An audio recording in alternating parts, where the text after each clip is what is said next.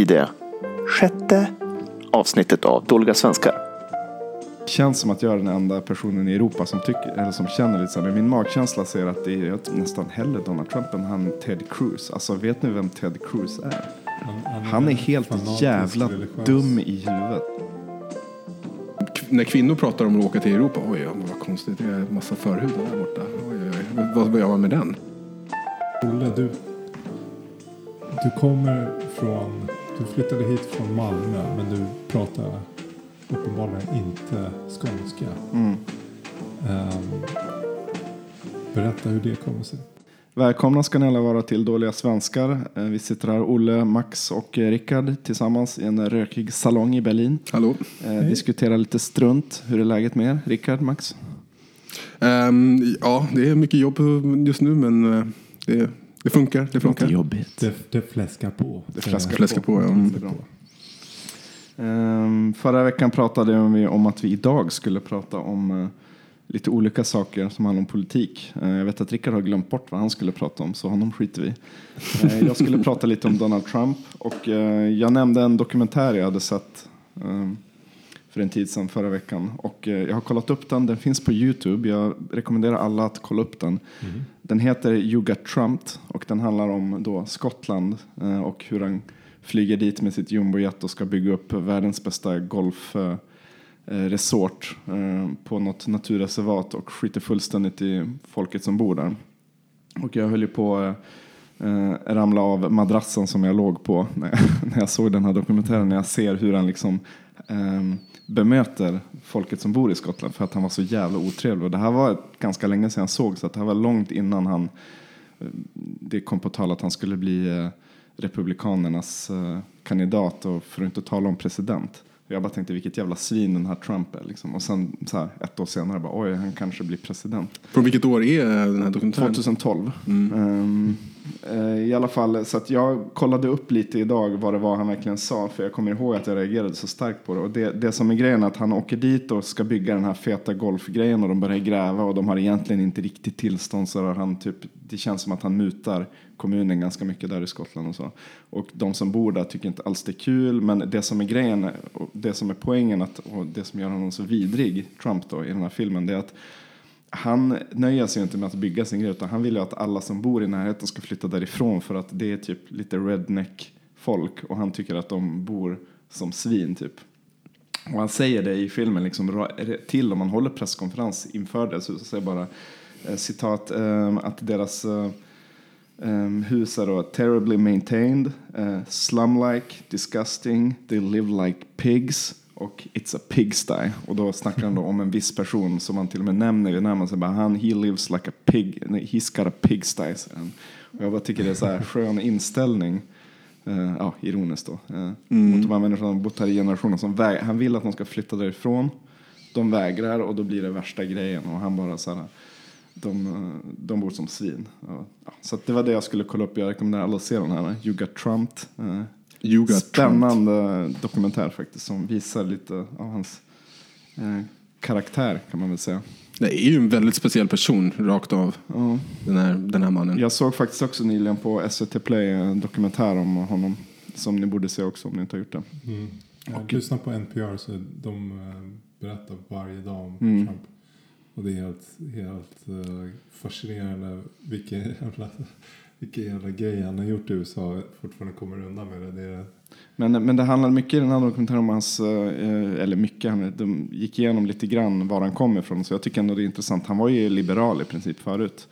Alltså demokrat. Han var på, ehm, eller var det, var det Bill och Hillary Clinton som var på hans bröllop? Eller något sånt där i alla fall. Mm, det finns väldigt många bilder på honom Precis, när de var ju, de var ju verkligen, de var ju verkligen kompisar och han Ja. var ju liberal. Och jag känner ändå någonstans att eh, alltså, eh, det känns som att jag är den enda personen i Europa som, tycker, eller som känner lite så här. Men min magkänsla säger att det är jag nästan hellre Donald Trump än han Ted Cruz. Alltså vet ni vem Ted Cruz är?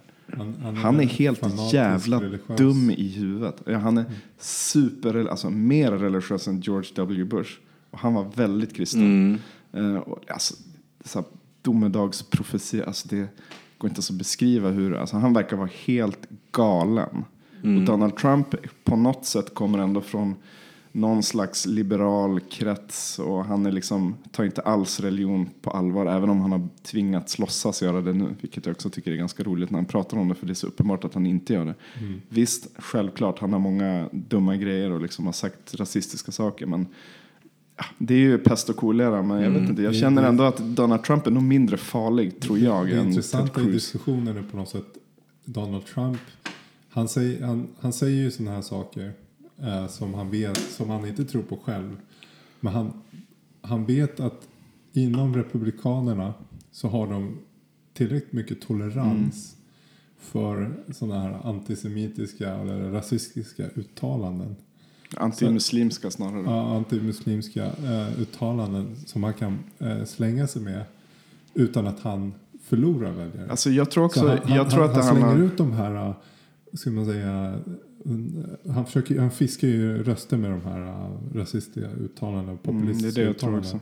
Och han, han vet att eh, det är nästan som att han, ja, jag tror inte ens han tänker så långt, men att han, han, han vet att det kommer inte, han kommer inte liksom förlora väljare på det. Jag tror De- visst han de- tänker så långt. Jag tror alltså, det, det, det är väl det jag tänker lite också, att mycket av det han säger och mycket av det här att göra sig korkad. Jag tror inte alls att han är korkad. Jag tror att om man tror att han är korkad så är man själv korkad. Det är klart han inte är korkad. Eh, jag tror att allt det här är liksom ganska uttänkt. Ehm, och eh, jag menar ärligt talat så lyckas han ju. Det är ingenting i hans kampanj som inte har lyckats. Vad han än gör så är det liksom bra för honom Ja, och Det så, så. Pajkastning, det är liksom rasistuttalanden. Vad fan, han alla de här uttalandena, och det, det, det skapar ju sensation. Det är ju sensationsnyheter att Ja. han har sagt det här och så får han massa med, det betyder, media det på betyder det. inte att han, att han eh, nödvändigtvis tycker si eller så. Jag tror, alltså det kanske är helt fel. men jag kan tänka mig att han som- i grund och botten är liksom hyfsat halvliberal och ateist eller whatever. Eh, med vissa grejer som Mm. säkert är jätteknäppa också. Men eh, inte alls så knäppt som han säger, tror jag i alla Det- fall. det Det, fanns- känns så. Det fanns en sak som han gjorde bra. Det var, jag såg inte debatten själv, men han var i debatt mot George W. Bush lillebror. Eh, de hade ju Jeb Bush. de hade en eh, eh, ja, debatt mellan alla republikaner och det var ju jag tror det var sex stycken kvar eller någonting sådär. Och i den debatten så drog han ju eh, typ Bush-kortet då. Eh, Donald Trump så här. Vem vill ha en Bush till i, i Vita huset som lurar in oss i ett fake-krig i Irak och dödar massa av våra, våra eh, söner och döttrar och allt vad det var. Och han liksom verkligen inte, han förskönade inte på något sätt. Han bara sa så här, Men det, är- det är det som är Trumps grej. Att, att han, han, vill, han vill inte vara politiskt korrekt. Han vill inte vara som andra politiker. Han vill säga, han vill eh, ta ut svängarna. Han vill vara radikal. Allt det här och det, det funkar uppenbarligen. Jag pratade med en kille på en bar eh, häromveckan. Och han påstod att eh, Donald Trump gick in i valet för att tjäna pengar. Att det är en, bara ett projekt för honom för att tjäna pengar. På, på grund av att att i den amerikanska lagstiftningen med om man eh, lånar pengar och hur man eh, sätter in dem på sitt eh, kampanjkonto och så vidare. I slutändan blir så att eh, Donald Trump kan tjäna pengar på det för att pengar lånas eh, på, från hans företag och att de som bidrar till hans kampanj måste på något sätt använda hans företag fram och tillbaka. Så att det, att det finns en, en ekonomisk struktur runt hans kampanj som gör att han faktiskt tjänar pengar på eh, hela den här kampanjen. Det låter att- lite att- konstigt. Det skulle vara intressant att titta närmare på. Det är ju ganska dyrt och kampanja också. Det jag känner till är att han eh, berättade över sist att, att han har de här eh, välgörenhetsorganisationerna som inte Mm, just det. gör någon välgörenhet Ja, men i, I den riktningen, fast med sin politiska kampanj. Och att ehm, då olika andra företagare mm, ger pengar till kampanjen och sen så på något sätt så, så kommer det tillbaks till honom för att det går igenom olika av hans företag. Och i slutändan så tjänar han pengar på det här. Ja, man kan- Nej, jag, jag, man kan i alla just fall för tillfället så har fastställa- jag, vet jag inte exakt, jag kommer inte ihåg exakt, jag var ganska full när jag pratade med den här mannen. Men eh, just då så ehm, lät det som så här, ja det låter som något amerikanskt konstigt att det är mycket möjligt att man kan tjäna pengar man kan på väl konstatera att om det är någon kandidat som man skulle kunna tänka sig ändå att han när han har vunnit valet bara går fram och säger bara allt det här var bara ett practical joke så är det ju Trump. Eh, I alla fall den här personen som jag pratar med, det han syftar på att Trump startade kampanjen för att tjäna pengar och målet var inte att komma så långt som han har kommit utan det är bara en biprodukt av hans, hans scam för att eh, tjäna pengar. Men Max, du hade också något eh, uppdrag från förra veckan som hade med politik att göra? Ehm, ja, det var ju helt enkelt att eh, hitta ett ehm, citat. Ett kanske oväntat annorlunda citat från ehm, Bernie Sanders som också då är en kandidat för eh, att bli president i USA. Jag såg, jag såg idag att han, eh, det var någon som postade att han var med i eh, ehm, Seinfeld. Han hade varit med i Seinfeld någon gång. Han, nej, han är, han är ju Larry David. Han, han är Larry David också. Ja, de pratar ju likadant. Ja, de pratar likadant. Ja, men Ehm, båda kommer väl från uh, Brooklyn. Eh, Nej, från Brooklyn kommer de. Ehm, det citatet, alltså det finns ju inga, inga speciellt roliga citat för Bernie Sanders. Det gör det ju Det inte. är mest. Ehm, det, det är ju allvarligt. Den här killen är ju en, en riktig en person som verkar bry sig i allmänhet. Det jag hittade som, som är lite annorlunda och det anknyter ju lite på, på, på Rickard också. Och citatet är Finland is no utopia. Um, och det roliga med det är för att det är egentligen så att uh, Bernie Sanders är väldigt duktig på att, att uh, påpeka att i Skandinavien så går det väldigt bra och att i Europa så har man allmän sjukvård och att man har allmän skolsystem och att, att det är ett väldigt bra system. Och att eh, om man tittar framförallt då på Finland, att man tittar på att skolsystemet är väldigt bra och de har gratis sjukvård. Ehm, de lyckas bra i, i ehm, här rankings. såna rankingar när det kommer till, till, till. Ja, Ranknings. raggningslistorna. Eh, när det kommer till olika sko hur välutbildade folk är och hur mycket Undrar hur raggningsrankingarna i firma måste ligga Ehm, nere. Men ehm, då i en artikel av Erik Sois i washingtonblog.com ehm, så där de pratar helt enkelt om att amerikanerna inte förstår vad socialism är för någonting. Om, om man säger någonting är socialistiskt så ser amerikanerna direkt som kommunistiskt. Och Mm. ehm, så i den här artikeln så förklarar han helt enkelt att det finns någonting annat och i då Sverige, Finland, eh, Norge och, och Danmark så har det varit socialdemokrati Mm. och ehm, man har haft ett eh, ja, en välfärdsstat som med ett skyddsnät och att, hur positiva saker det finns med det. Ehm, så, det så vid något tillfälle i uh, artikeln så påpekar han Finland is no utopia. Eh, de har även problem där. Men det kanske de är för att- bra saker. Men det kanske är för att de just inte har socialism. Utan Ja. eh, bara inom citattecken då sitt socialdemokrati om det är det de Alltså, Nej, det är inte det jag menar. Det är, det är mer att så här, äv- även fast han pratar väldigt gott om Finland och Sverige och, och Europa så, så Ja, ja. Finland Han har tillstår problem. att de har det är, allt inte Vid en punkt så måste han säga att det är ingen utopia. Det, är jag, jag målar inte upp en perfekt bild Michael. Moore målar ju alltid upp eh, det perfekta Europa i sina filmer. Men ehm, ja, Bernie Sanders är ju, eh, det är ganska intressant i alla fall som person. Och det är ju intressant att han har ko- kommit så långt i, i den här, här eh, i valet. Eh, han är född 41 i Brooklyn och är uppväxt i Brooklyn. Kände han eh, Larry David? Ehm, det skulle ju inte förvåna mig om, om de någon gång har träffats vid något tillfälle. Men eh, Bernie Sanders är väl lite äldre, lite äldre tror jag. Han är lite äldre. jag. Lite äldre. Eh, Det skulle inte förvåna mig om Larry David är född typ 50. Något Han, sånt han är nog efter, efterkrigsbarn. Mm. Men Vänta, jag eh, måste bara göra en sak. eh, Bernie är Post. fö- född ehm, i alla fall i, ehm, för i Europa så var Känner han. Woody Allen? Han är väl också från, från Brooklyn, eller? Ja, det vet jag inte. Men båda de är ju, och det pratar vi också om, båda av dem är ju, de är ju judar. Och, Det är Woody Allen också.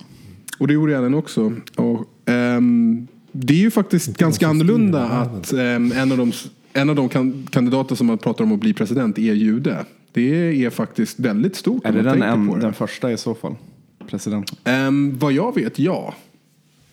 Ehm, Mitt. Romney var ju förra året, eh, mormon då. Mm.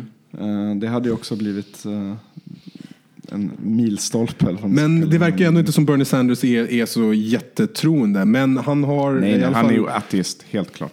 Det, Men han, han har i alla fall eh, haft sin bat mitzva och, ehm, och sådana där saker. Så att han är ju I alla fall inom Han är inte mer troende än Larry David. Det är, en. Omskuren, det det, det är också en annan intressant sak om man pratar om att vara omskuren. I USA, de flesta männen är ju Ja, omskurna även fast de inte är Ja, troende alls. Det är mer regel än undantag. Ja, ja, jag tror att, eh, Det börjar ändra sig nu faktiskt. de, de tycker det är jättekonstigt eh, när kvinnor pratar om att åka till Europa. Oj, ja, vad konstigt, det är massa förhudar där borta. Oj, oj, oj. Vad, vad gör man med den? Det Det vet man inte. äckligt. Det tycker jag är lite äckligt, lite konstigt. Ehm, men det är ju könsstympning. Det är ju egentligen. Ja. Ja, fast Det är det, går, det går det inte att jämföra med, eh, med eh, kvinnokönsstympning som ju Alltså, det är ju inte ger lika dem men grovt. för livet. Sexsensligt. Det är ju inte lika grovt, men ehm, Ja, men de har ju men för livet. Vissa av dem har ju ingen känsel kvar överhuvudtaget. Ja men så är det för, för många av grabbarna också. Att, Nej. att, att det, är, det är mycket svårare att få... eh, Det- tänka Men alltså det är inte, ex, det är inte lika hårt. För- Självklart inte så är det inte lika extremt. Men det är ju en, en form av det. Jo, det hänger runt där Jo, utan visst. förhud och skaver och skaver i flera år innan det kommer i bruk. Det är klart att den saknar känslighet. Och det blir Jo, en men- psykopat. Du måste jo, men- med sadomasochism. Och, Nu är jag ingen, eh, ingen eh, eh, specialist överhuvudtaget på vad heter det, female, eh, vad heter det? Um, mut- gender mutilation tror jag heter. orgasm. Mutilation. Nej, inte det Mutilation heller. det. Eh, Men, ja, men, men, men, men, eh, jag lovar alltså, det. jag är för det, det, skär, skär, det, jag är för det det är egentligen. skillnad. Det är stor Alltså, jag, skillnad jag skulle på gärna kvinnlig vilja och manlig kunna hålla på längre i sängen. Alltså, så att jag, jag, varför gjorde inte mina föräldrar det? Det skulle jag. Ja, hur som helst. Nu har vi pratat om, om, om förhud i alla fall. Ehm, men Bernie Sanders, sen så, ehm, han gick på Chi- Chicago-universitetet. Ehm, och han var även en del av eh, the eh, Civil Rights Movement. Så han var ju en, en av de eh, vita som satte sig på bussar och åkte ner till södern för att demonstrera mot segregeringen i den amerikanska södern. Vadå, ville han att vita skulle ha ännu mer plats på bussarna? Ja, exakt. Nej, sj- självklälart att, man, att det inte skulle Rosa vara... Parks. Ja, men att det inte skulle, skulle vara eh, en toalett för svarta och, och en toalett för vita. Att det skulle vara en, en, vita. eh, en vattenfontän för svarta och en för vita. Och att, att ehm, svarta inte får gå på vissa restauranger och, mm, och så vidare. och så vidare, och så vidare. Segregering helt enkelt. Ehm, och han var ju en av dem som ehm, aktivt då kämpade emot det och åkte ner till södern och demonstrerade. Han blev eh, anhållen vid en demonstration vid ett tillfälle. Eh, eh, mm, eh, vad heter det när man spjäklar mot polisen när de arresterar dig? Ehm, Civil olydnad eller? Ja, civil olydnad, eh, resisting arrest, som det heter i USA. Eh, blev han dömd för ehm, och satt i, i häktet någon, någon, någon natt. Ehm, och, Och då var han typ 57. Precis. nej, det, här var, det här var under hans, han var väl 20 någonting. Så det var liksom det är Det var inte 60-tal. 60-talet. Ja, eftersom han är född 41. Så. Ehm, eh, så han har ju faktiskt varit med och kämpat för, för riktigt bra grejer. Eh, han var ju också med på the, eh, den här marschen mot Washington och eh, lyssnade på Dr. Martin Luther King när han pratade i, i Washington. Han var också där. Kan man säga att han har hjälpt Obama indirekt till presidentposten? Han har varit, varit med och kämpade för svartas rättigheter och ehm, ehm, som en vit person så det var ju visst. det var ju väldigt svårt och blev ju självklart Skulle massa saker runt det. att veta vad hans drivkraft var. Eh, att jobba, alltså att vara så. Så jag menar han var inte ensam såklart. Men eh, det som liksom ändå motiverar en person att lämna det man Alltså har det, säkert. Alltså jag menar han, han hade sin säkerhet på Brooklyn och allt vad det nu var. Och, Det var inte så att de flyttade ner och bodde där utan det var, ju- det var ju bussresor som organiserades så att man åkte ner ehm, och sen så gick man på vissa demonstrationer och möten och sen så åkte man hem. jo men Ja. jag tänkte att det var inte hans.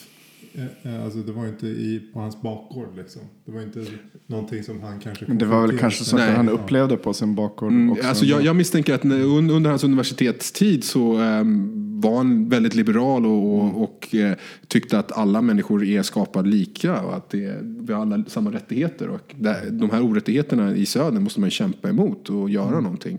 Och ung, aktiv, politisk så sedan till åker ner. Och jag menar, vissa av de här bussresorna, ehm, det var ju, de möttes ju av eh, avstängningar på vägarna. Det var ju poliser som trakasserade dem. Det var ju människor som, i området som, som sköt på bussarna, kastade saker på bussarna. Alla människor som åkte ner kände ju, blev ju verkligen ehm, trakasserade av ortsbefolkningen Jo, jag tänk, jag under den här tiden. Så det var ingen lätt sak att göra något sånt där. nej, jag menar, och det är det jag menar liksom, för oss, eh, typ som att dra ner till Turkiet för att, ehm, eller till Syrien för att liksom så här, nej men fan de här kristna de, de, de råkar väldigt illa ut liksom. Nu ska vi, kanske inte till Syrien men behöver åka till Jordanien eller vad fan som helst. Något eh, mellanösternskt land och liksom, nej, ska, de ateisterna de, de blir liksom halshuggna och allt vad det är.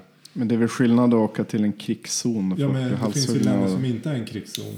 Som, det, som, som de blir liksom förföljda. Folk blir förföljda för att de är icke-troende. Eller för att de hoppar av sin religion. Um, eller för att de är annorlunda på det sättet att de...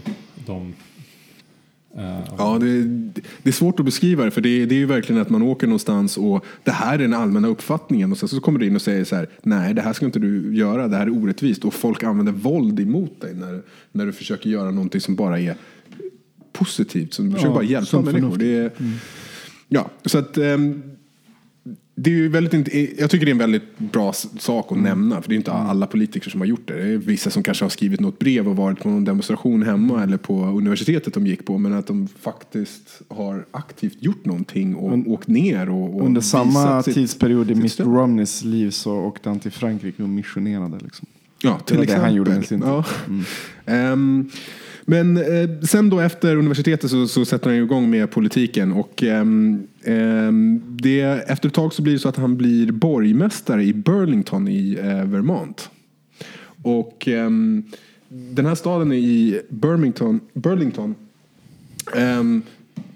efter att han har haft, eh, varit borgmästare där ett tag så eh, staden röstas fram till eh, den bästa staden i USA eh, i en stor tidningsundersökning.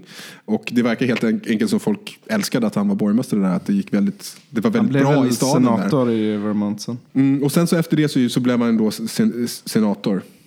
Den enda socialisten i senaten. Mm. ehm, Det är ju så, han är ju... eh, I kongressen så är är han ju den enda som, som inte är 100% i ett av partien som är eh, independent. Men han samarbetar ju mer med Demokraterna än vad han gör med eh, Republikanerna. Men eftersom han då är independent så är han inte tvungen att vara på Har ett av han eh, partierna. tillhört något annat parti? Har inte han varit med om typ gröna till exempel? Eller någonting? Ja, det Eller har han kommer jag inte ihåg men jag independent? läste faktiskt. Han blev, han blev mobbad av islamisterna i de gröna. Precis. Ja. Jag bollar över den till, till dig Olle. Till mig? Du, sa, väldigt tidigt att du hade någonting du ville prata ja, precis. Jag, jag har ju gått och grubblat nu ett tag. Jag tänkte komma ut som, eh, som sportnärd nu. Eller jag vet ju att ni redan vet att jag är lite av en sportnörd. Men det har varit, eh, det har varit eh, SM-slutspel i ishockey nu den senaste tiden. Jag Så, såg inte en enda match. jo, vi såg någon match ihop här för jättelänge sedan. Eh, Eller ja, vi halvkollade väl på Vi någon. såg, Ja. jag såg inte en enda finalmatch. Nej, nej, det gjorde du inte. Du såg inte någon finalmatch. Eh, Men eh, det jag vill snacka om det är så här, alltså sport är ju ett ämne som, som klyver rätt mycket och det är många som är helt ointresserade och egentligen när de hör mig prata om det här vill de bara sluta lyssna. Och det är väl det som gör att jag tycker det är intressant att prata om det. För jag ser mig egentligen inte som någon sån här eh, genomgående sportperson. Så alltså det, eh, det är väl många sportmänniskor som kanske inte är så intellektuella och, och vice versa. Um, men jag, alltså, när det kommer till just SM-slutspel och lite också när, det, när eh, Tre Kronor spelar hockey och kanske lite fotbolls så blir jag, jag går upp i det så jävla mycket och det är det jag vill prata lite om, varför man bryr sig. Liksom. För att jag har hållit på mitt eh, hockeylag då, som är Skellefteå AIK. Sen jag, jag, ja, men så här, sen jag var liten. Eh, Jag har verkligen alltid hållit på dem. Och när det, blir, när, när det går bra för dem och när det blir slutspel och så. ehm, ibland kan jag intala mig, ja, men det är inte så viktigt, jag bryr mig liksom inte så mycket kanske. Men sen, jag har ändå följt dem hela säsongen. Sen när det blir slutspel och eh, matcherna blir viktiga och bara shit, förlorar de ikväll så, så är säsongen slut. Då, då känner jag att jag bryr mig verkligen. Jag gör det och jag vet inte riktigt varför. För egentligen har jag, jag har ingenting med laget att göra förutom att jag har följt dem sedan jag var nio kanske. Och känner till deras historia. Jag har massa minnen från när de gick upp i högsta serien och när de har åkt ur och du vet sådana där saker. Så jag har ju känslomässiga saker men jag har ju ingenting med prestationen att göra whatsoever. Det är inte som att eh, jag är med och spelar eller ens är med på läktaren och skriker. Jag har en teori. Ja, eh, kul, för det är det jag vill prata om. Varför bryr man alltså varför, jag, måste bara berätta kort. Eh, när jag eh, sa till dig Rickard att jag hade något och jag ville prata om i podden, då hade det varit semifinal. Och eh, mitt lag har varit ledande inom svensk hockey de senaste åren och varit i final nu sex år i rad. Ehm, och när de var i semifinal för någon vecka sedan nu ehm, så mötte de det laget som de blev utslagna eh, mot förra året. Och då var det så jävla viktigt för mig att de inte skulle bli utslagna i semin utan att de skulle gå till en sjätte raka final. Och liksom det igen, varför bryr jag mig så mycket? Det är väl egentligen spelar inte så stor roll. Men när jag satt där och kollade på matchen var det bara, vad fan, alltså det gjorde så jävla ont när de förlorade och så skulle det bli en sista avgörande match och jag bara kände så här, fan alltså, jag kommer bli så jävla besviken om de åker ut och inte går till final igen och framförallt mot samma lag. Så att jag gick in eh, på internet och eh, satte 500 spänn på att det andra laget skulle vinna. För då hade jag vunnit, om det andra laget vinner så vinner jag typ eh, 1500 spänn. Och då skulle det kännas lite bättre liksom. Och sen om mitt lag vann, då var jag ändå glad så då gjorde det inte så mycket att jag förlorade 500 spänn. Och mitt lag vann och gick till final och då förlorade jag 500 spänn. Men jag var ändå jävligt glad liksom. Och ja, min fråga till er är liksom varför bryr man sig så mycket? Och, Rickard, du, du har en te teori på det här? Jag har en teori. Eh, har du någon teori? Ja, det har jag. Äh, Får jag bara säga, för, att, eh, för lyssnarna, liksom, Max är väl kanske inte någon sportfjolla Han är- han är inte per se. Nej, precis. Nej, nej, Rickard är väl lite mer sport, eh, framförallt hockeyintresserad, så, så du kanske förstår mig lite mer. Men, och bara, får bara säga lite till mitt försvar, jag är absolut inte den värsta sportnörden som finns överhuvudtaget. Men jag kan verkligen förstå sådana här äkta sportentusiaster, för jag bryr mig själv. Men det är, min, det är min ingång. Du säger att du är inte den här supersportnörden. Men vad är det som gör dig liksom eh, beroende av det här? Och liksom vilja veta hur det går? Eller liksom att det är viktigt för dig att det går åt ett visst håll? Och jag skulle vilja säga att det är ungefär lite samma, eh, samma sak som för Max när han tittar på en bra serie. Så när han har liksom kommit in i serien så, så vet han karaktärerna. Han vet, eller inte helt vad som kommer hända, men liksom man, man har viss förväntan på hur karaktärerna ska utveckla sig. Jo, Man brukar ju heja på karaktärer. Precis, och du har ändå in, investerat väldigt mycket tid i liksom någonting som du tycker om, statistik. Typ så här, hur många skott sköt han och vad, vad var han borta förra säsongen, vad har han gjort där. Du har liksom koll på hela en historia. Så att du, du har liksom byggt en hel historia runt laget, runt personerna.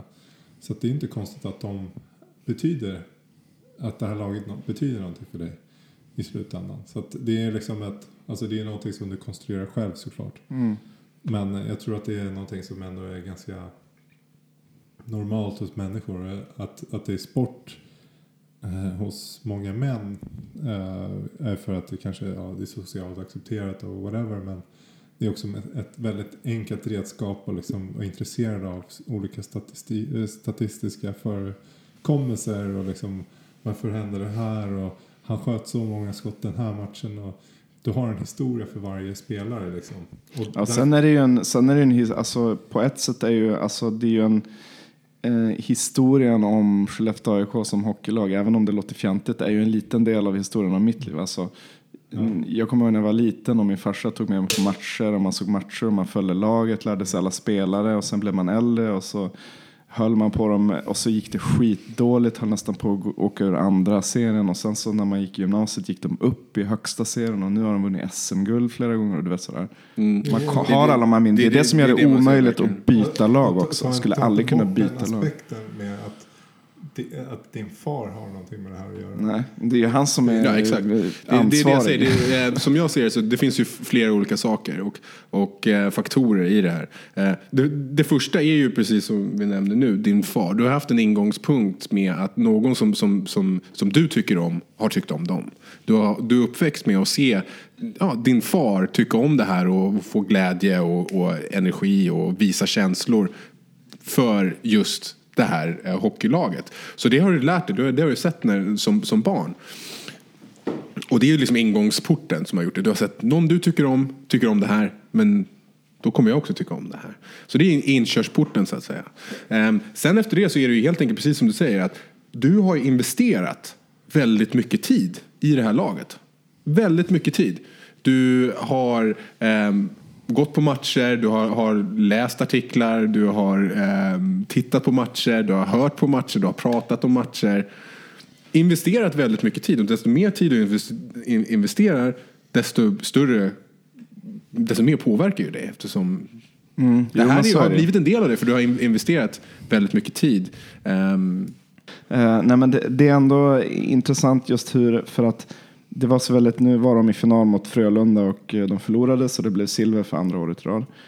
Och då liksom, det kommer jag ihåg även när de har vunnit guld så är det du vet, jag har hållit på i, i åtta månader och läsa inför varje match och man kollar på många matcher, inte alla såklart, och liksom, man är ändå med hela tiden, varje dag nästan när man är inne och kollar någonting. Du- du- Och, sen, och sen helt plötsligt så bara ser det, ser det knäpp och så är det slut. Och även när man har vunnit så blir det så här, alltså det- det är ändå ingen så här euforisk glädje bara. Det, det är liksom på något sätt som att det bara Okej, ja, nu ska jag börja läsa om hur de värvar spelare inför nästa säsong. Alltså det bara går vidare. Det, Ja, ja, ja. det, blir, det blir en fjäder i hatten, det blir det. Men det är liksom...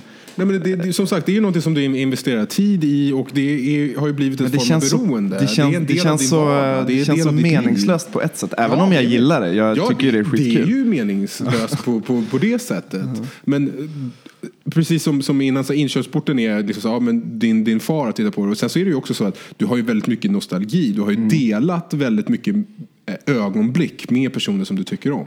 Du har tittat på, gått på en match med farsan och ni såg det där häftiga målet och ni båda var jätteglada när ni gick hem sen. Det, Det var oftast att vi gick hem eh, innan matchen var slut för att de låg under. Ja. Okej, men det är väldigt många minnen som är förknippat med människor som du, som, du- som du ty, tycker om.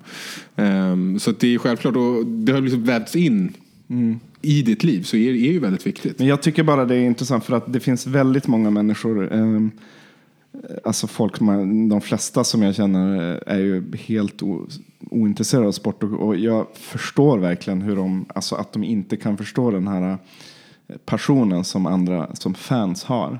Alltså de, Det, alltså, är- det är samma sak som jag skulle säga till dig, men, men nu blir jättepassionerad över, över pingis i Kina. nej. Visst, det, Ja, men det Olle? Blir nej. det? Det är skitkul. Nej, nej. Pingis i Kina är skitbra. Nej, jag- är skitbra. jag- jag Ding ställer mig Du är lika- den bästa spelaren någonsin. Jag är lika ointresserad av, av de flesta andra sporter som, som eh, många är intresserade av alla sporter. Absolut, förstå, och det är det jag säger. Jag förstår att man inte är intresserad. Jag, men men, men det, eh, det jag vill säga är att, att jag förstår, alltså även om jag inte är till exempel ehm, Eh, förra veckan var jag och såg eh, Hertha Berlin mot Dortmund på Olympiastadion. Och eh, jag, jag bryr mig egentligen inte alls om fotboll. Och liksom, visst, det är kul om det går bra för Berlin, men, men det är svårt för mig att börja bry mig jättemycket och jag förstår helt fullkomligt att man inte bryr sig överhuvudtaget. Vem bryr sig om de jagar en boll? Ge, ge båda lagen varsin boll så är problemet löst. Liksom. Eh, men jag förstår ju fansen också, för jag är själv ett fan av ett annat lag. Eh, och jag vet inte, det är, någon, det är någon konstig klyvning där på människor som inte förstår och människor som förstår. Så jag önskar ibland att jag var intresserad av tysk fotboll. För då, då hade man direkt haft något att snacka med. Det är en sån jävla social, liksom. Det är därför så många hejar, hejar på Bayern München. Trots att de inte ens kommer Bryr från. Bayern. Ja, det är, och det är det, det som är så här, min punkt med alla sådana här eh, lag som är föreningslag och att det är sportlag som inte kommer från en nation. Majoriteten av de som spelar professionell innebandy eller hockey eller vad som helst kommer inte från platsen där laget existerar. I Skellefteå AIK gör de det. Hur, hur många gör det? Ehm, Han kommer de, inte ens själv ifrån Skellefteå. nej, det är sant. Nej, men hur många kommer Nej, men därifrån? ungefär, ungefär hälften är fostrade inom... eh, Där, då kan jag förstå, då har du från, från min sida mer, då är det mer okej för dig att heja på det här laget. För om, om, du, tittar på, om du tittar på Bundesliga, hur många som, som, som spelar i Hertha Berlin kommer från Det är Berlin? därför jag tycker det är lite tråkigt med NHL också, för det är också bara ett lottospel. Ja, så att, så att det, det går ju bort från så här, varför ska du hålla på ett visst lag och sen så går det mera till Det blir jag bara uppskattar ekonomi. den här sporten för att jag tycker den här sporten har intressanta moment i sig som gör den väldigt intressant. Det är att målen är jättesnygga, att, att det är en sån fysisk prestation att, att överleva en match att hålla ut eh, sådana här saker. Eh, det är väl det man tittar på då. Men om det är just lagkänslan, där ah, det här är mitt lag. Jag är uppväxt som aik i Stockholm. Och om jag tittar på, på AIK så här, visst jag så här, det går bra för AIK, ja, det är kul. Eh, men det är ju inte så att spelarna som är där är, är alla från Solna, från, från ungefär den delen av, av Stockholmsförorterna som jag är från. Solna är väldigt och, stort och, och att, att, att de i, eh, liksom Nej, visst, uppväxta i, i, Nej, på visst, samma s- skolor som, som jag gick på eller att de spelade på samma fotbollsplan som jag gjorde och att, att det, det, det är Gustafssons eh, son som spelar Men- med i men laget. även om- det, liksom, det finns ingen anknytning till Men, de spelarna. men även om, en- säg att du håller på. München, säg att du har bott i München hela ditt liv och du, har liksom, du är Münchenbo och du älskar ditt lag Bayern München. Även om de värvar världsstjärnor Men- så kommer de bo i München, de kommer gå och träna i München. De kommer liksom, Jo, jag vet, de har ju ändå en att- att- anknytning till stan. Jag tycker att det blir så. Och Bayern München är ett bra exempel på det. Att det spelar ingen läng- längre någon roll vilken stad eller vart det är de är någonstans. Det handlar bara om det laget som har mest pengar. Jag har också helt tappat liksom, eh, överhuvudtaget någon typ av intresse för ett klubblag. För att det är bara folk som flyttar klubb. Liksom. Jo, Det är- visst, jo, men det, Eh, jag förstår alltså, det. Skellefteå tycker jag är spännande i hockeyn på det sättet att de har så mycket eh, egen verksamhet. Det är skitbra när du säger 50% kommer från Skellefteå och det området. Det är ju Vä- skitbra. Väldigt ovanligt och speciellt för en liten ort och allting. Men eh, jag tycker det är nästan det, det mest sjuka är ju den här uh, tvärtom-grejen. Att man hatar ett lag. Mm. Så bara, Jaha, varför ska du hata det här laget? För att de är... What? Men det, gör, det, det är ju rivalitet, är ju kul inom sport. Derbyn där man hatar varandra är ju kul. Jo men det är själv, jag förstår mekaniken, jag förstår liksom, men man tänker på det så är det, det är ju så, blir så fruktansvärt eh, ja, barnsligt eller banalt liksom. Hela, hela saken att man ska tycka om ett lag men inte ett annat. För att eh, de heter något annat. Men det är ju samma spelare som bara flyttar, byter tröja liksom. Mm, Självklart, och, om, och sen är det så här, ja, heder till eh, den här. om, om vi ska tänka logiskt ö, över hur det här funkar så självklart så, så, så låter ju allting dumt. Det är ju, liksom så här, vad är poängen med att liksom lascha med en boll eller skjuta runt på en puck på en is? Vad, vad är egentligen slutpoängen? Vad är meningen med det här? Men om, om man då tänker mer på, på sport allmänt. Det är ju inte om logik utan det här handlar ju om känslor. Det här är ju egentligen någonting som går mer i grunden på oss som, som djur, som, som varelser på den här planeten. Inte logiskt tänkande. Eh, Alltså sport är ju krig, krigsförberedelse. det är det jag menar. Att det här är en, en plats som det är helt okej för människor att titta på och skrika och sjunga och visa känslor. Ehm, och att det hela handlar om, om, om gemenskap. Att framförallt när man går på en match och tittar på den live. Att, att jag är en del av en större grupp. Det här är någonting som jag tror är väldigt basalt inne i oss. Att, Jag att, vi, komma- att vi kan känna så här, ja men jag är en av de här. Och även fast vi inte är ute och krigar så, så är vi på samma sida och vi är en grupp. Vi är tillsammans. Jag tänkte, komma till, jag tänkte komma till det också därför att jag var ju som sagt och såg Berlina Berlin Det är helt sjukt. Alltså det var ju mer än 76 000 på Olympiastadion. Det var full, fullsatt. Och eh, jag var där med en kompis som är värsta Hertha Berlin-fanet. Och vi var ju ett gäng som han känner i fancirkeln där. Eh, och det var ju folk från alla olika ursprung och det låter klyschigt liksom. Men det var, alltså det låter här jätteklyschigt att säga, men det var verkligen så att fotbollen förenar, alltså fan eh, gemenskapskänslan förenade alla och de skulle aldrig hängts med varandra om det inte var för fotboll. Går man dit och verkligen eh, dricker massa öl, kollar på fotboll och har den här gemensamma nämnaren och färgerna och liksom vad man har hållit. Då, många hade såna halsdukar som var 25 år gamla som hängde och massa olika fotbollströjor. Uh, och jag vet inte, det var ändå, det är coolt och min kompis var glad att jag förstod den här grejen. Han trodde jag skulle liksom ehm, tycka det var lite löjligt, men jag förstår ju helt. Nej, och sen alltså- eh, till slut vill jag bara säga också att just det här som du säger Max, med att vad är poängen med att sparka på en boll eller skjuta på en puck? Det är så här, det kan jag störa mig på lite ibland att just sporten som kulturgrej är lite ehm, att man ser ner på en lite. Alltså det, det är väldigt fint att, att måla och det är väldigt fint att göra musik. Men vad fan är poängen med, med, med konst? Vad fan är poängen med musik? Det är samma som med sport. Det handlar bara om att ha kul egentligen. Ja, ja, Eh, ja. Alltså, jag kan störa mig lite grann på det. Att det känns som att, att kolla på hockey och att bry sig om hockey, det är en liten ful kultur. Medan hade jag suttit och eh, ritat och, eller, eller gjort musik, då är det mycket finare än att, än att syssla med sport.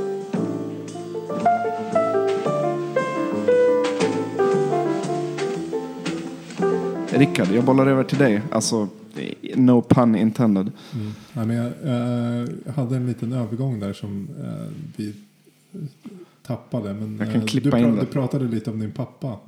Mm. Eh, och jag ville fråga, egentligen eh, ville fråga, var, liksom Olle, du, du kommer från, du flyttade hit från Malmö men du pratar uppenbarligen inte skånska. Mm.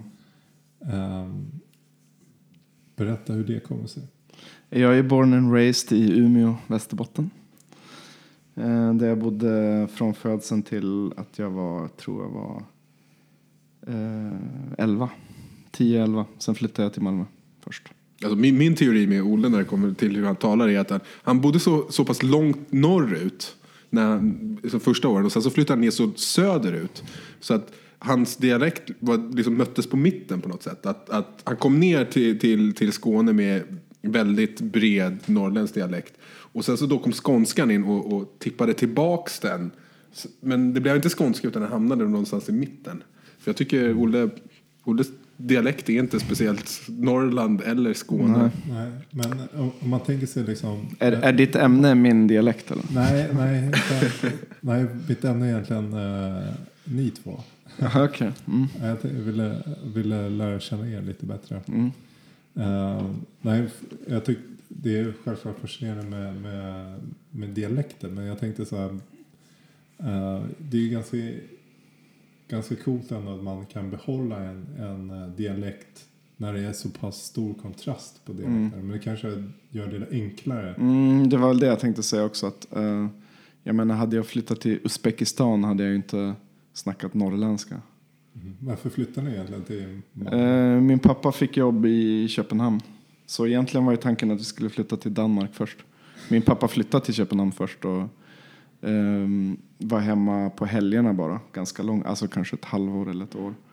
Eh, sen så flyttade vi ner söderut. Och det här var innan de byggde Öresundsbron. Mm. Så då var det väl kanske på något sätt lite större distans, Malmö-Köpenhamn. Men så flyttade vi ändå till Malmö för att mamma och pappa tyckte att det var bättre för barnen att behålla liksom, ja men det blir ändå stora skillnader och, i skolan och sådär. Men vad tyckte du om den flytten? Jag tyckte, i början tyckte jag faktiskt det var jättejobbigt. Uh, alltså jag var ju, jag började femman i Malmö. Mm. Och jag tyckte att det var jättejobbigt. Jag saknade mina kompisar jättemycket. Jag tyckte skolan jag började på var urlarvig. Jag började på någon sån här eh, ganska speciell skola. Det var någon sån här Montessori-skola. Eh, där man gick, dels gick man tre, tre till fem, så jag gick med så treor och fyror. Säga. Träskola. Nej, det var en väldigt fin byggnad. Det var alltså tegelbyggnad. Men det var så här väldigt liten skola, en stor klass med massa eh, barn som var yngre än jag och också i min ålder såklart. Eh, Och så åt men det var ingen matsal, man åt i eh, klassrummet, man var tvungen att ta av sig skorna. Alltså jag kom från en skola där det var ja, men helt vanlig Svenssonskola där man liksom går in med skorna och äter i matsalen och alla sådana här saker. Hade pulpeter. Eh, precis, nej men det, det, ehm, jag, tyckte att jag tyckte att skolan och sen så dialekten var en big deal då. Alltså nu eh, hade det inte betytt någonting men när man var, gick i femman så jag kände mig lite retad. Folk tyckte att jag pratade jättekonstigt, himlade med ögonen och härmade mig. Jag kommer ihåg väldigt mycket folk härmade mig hela tiden. Och i början hade jag till och med problem att förstå vad folk sa. Eh, och det var, eh, folk kunde så här härma mig och skratta jättemycket. Jag tyckte det var jätte, jättejobbigt. Men sen i sexan så började jag på en ny skola, en, hög, eh, så en högstadieskola som var mycket mer normal skola. Och då fick jag väl lite mer kompisar och då tyckte jag det blev roligt. Ja, du vet, så här, helt plötsligt har man massa kompisar och då är ingenting något problem. Då tänker man inte ens på dialekten och så är alla problem borta. Men i början tyckte jag det var skitjobbigt men sen Så tyckte jag det var. Och nu i efterhand är jag glad. Alltså jag tror nog det är roligare att bo i Malmö som tonåringen i Umeå. Jag tror det finns, eh, konstigt nog så tror jag det finns fler självmordsbenägna i Umeå än i, i Malmö. Mm, Per, Kanske. per 100 000 Per capita. kanske. Ja. Jag vet inte. Det är... Jag kommer få många arga kommentarer ner från, från Ja. Umeå. Eh, vad- kom, kommer du ihåg det, det värsta minnet i, i, i Malmö? Alltså i början eller? Eller Överhuvudtaget? whatsoever. Göra? Gymnasiet? Mitt värsta minne. Eh, oj, oj, oj. oj. Eller vi, vi börjar med någonting bra. När blev du av med oskulden? Var du i Malmö? Ja, det var i Malmö. Det var Malmö. Eh, jag blev ju ihop med, jag, jag, kan, jag kan berätta det här. Eh, jag blev ihop med en tjej, det här var lite vändpunkter för att jag kände mig lite nördig i högstadiet. Jag hade typ två, tre bra kompisar som jag hängde med. Eh, killkompisar då, och du vet, man träffade aldrig tjejer. Det var då man började liksom verkligen vilja ligga med tjejer och så. Men det var helt öken och man, det enda man gjorde var att, du vet, jag var väldigt sen med att eh, dricka och gå på fester och du vet så här, det kanske man ska vara glad över, jag vet inte. Men jag var inte en del av de coola grabbarna som drack massa sprit och träffade tjejer. Så jag hängde mest med dem och kollade på Rambo och drack Fanta liksom på fredag kväll. Men sen så träffade jag någon tjej eh, nå, ehm, på något läger som kom från Kristianstad. Så blev vi ihop typ. Och så eh, hade jag mina första sexuella äventyr med henne. I, det här var i åttan. Hur gammal hon då? Lika gammal. Nej, jag, jag tycker helt enkelt att vi, vi ska köra ett sex och samlevnads eh, avsnitt helt enkelt. Där vi pratar om det här ingående med Ja, alla. För det- det, det känns varit lite som eh, vi måste avrunda här. Och, Ja. eh, vi kan inte ge det det fokus som det egentligen ska få. Och de Det kanske blir sex och samlevnadsavsnitt eh, någon gång framöver då. Sexkunskap. Sexkunskap. Men eh, vi kan väl komma överens om att vi tar samma ämne nästa gång. Om det nu blir sex och samlevnad eller om det blir något annat så tar vi, tar vi något annat eh, eller något gemensamt ämne nästa gång. Ja, det kan vi göra. Ska vi säga så? Mm, det gör vi. Så tackar jag för visat intresse och så eh, på återhörande. Ja. Ha det bra. Puss och kram på er. Hej då. Kolla in oss på dåligasvenskar.se och spamma oss på riktigt snabla dåligasvenskar.se. Puss!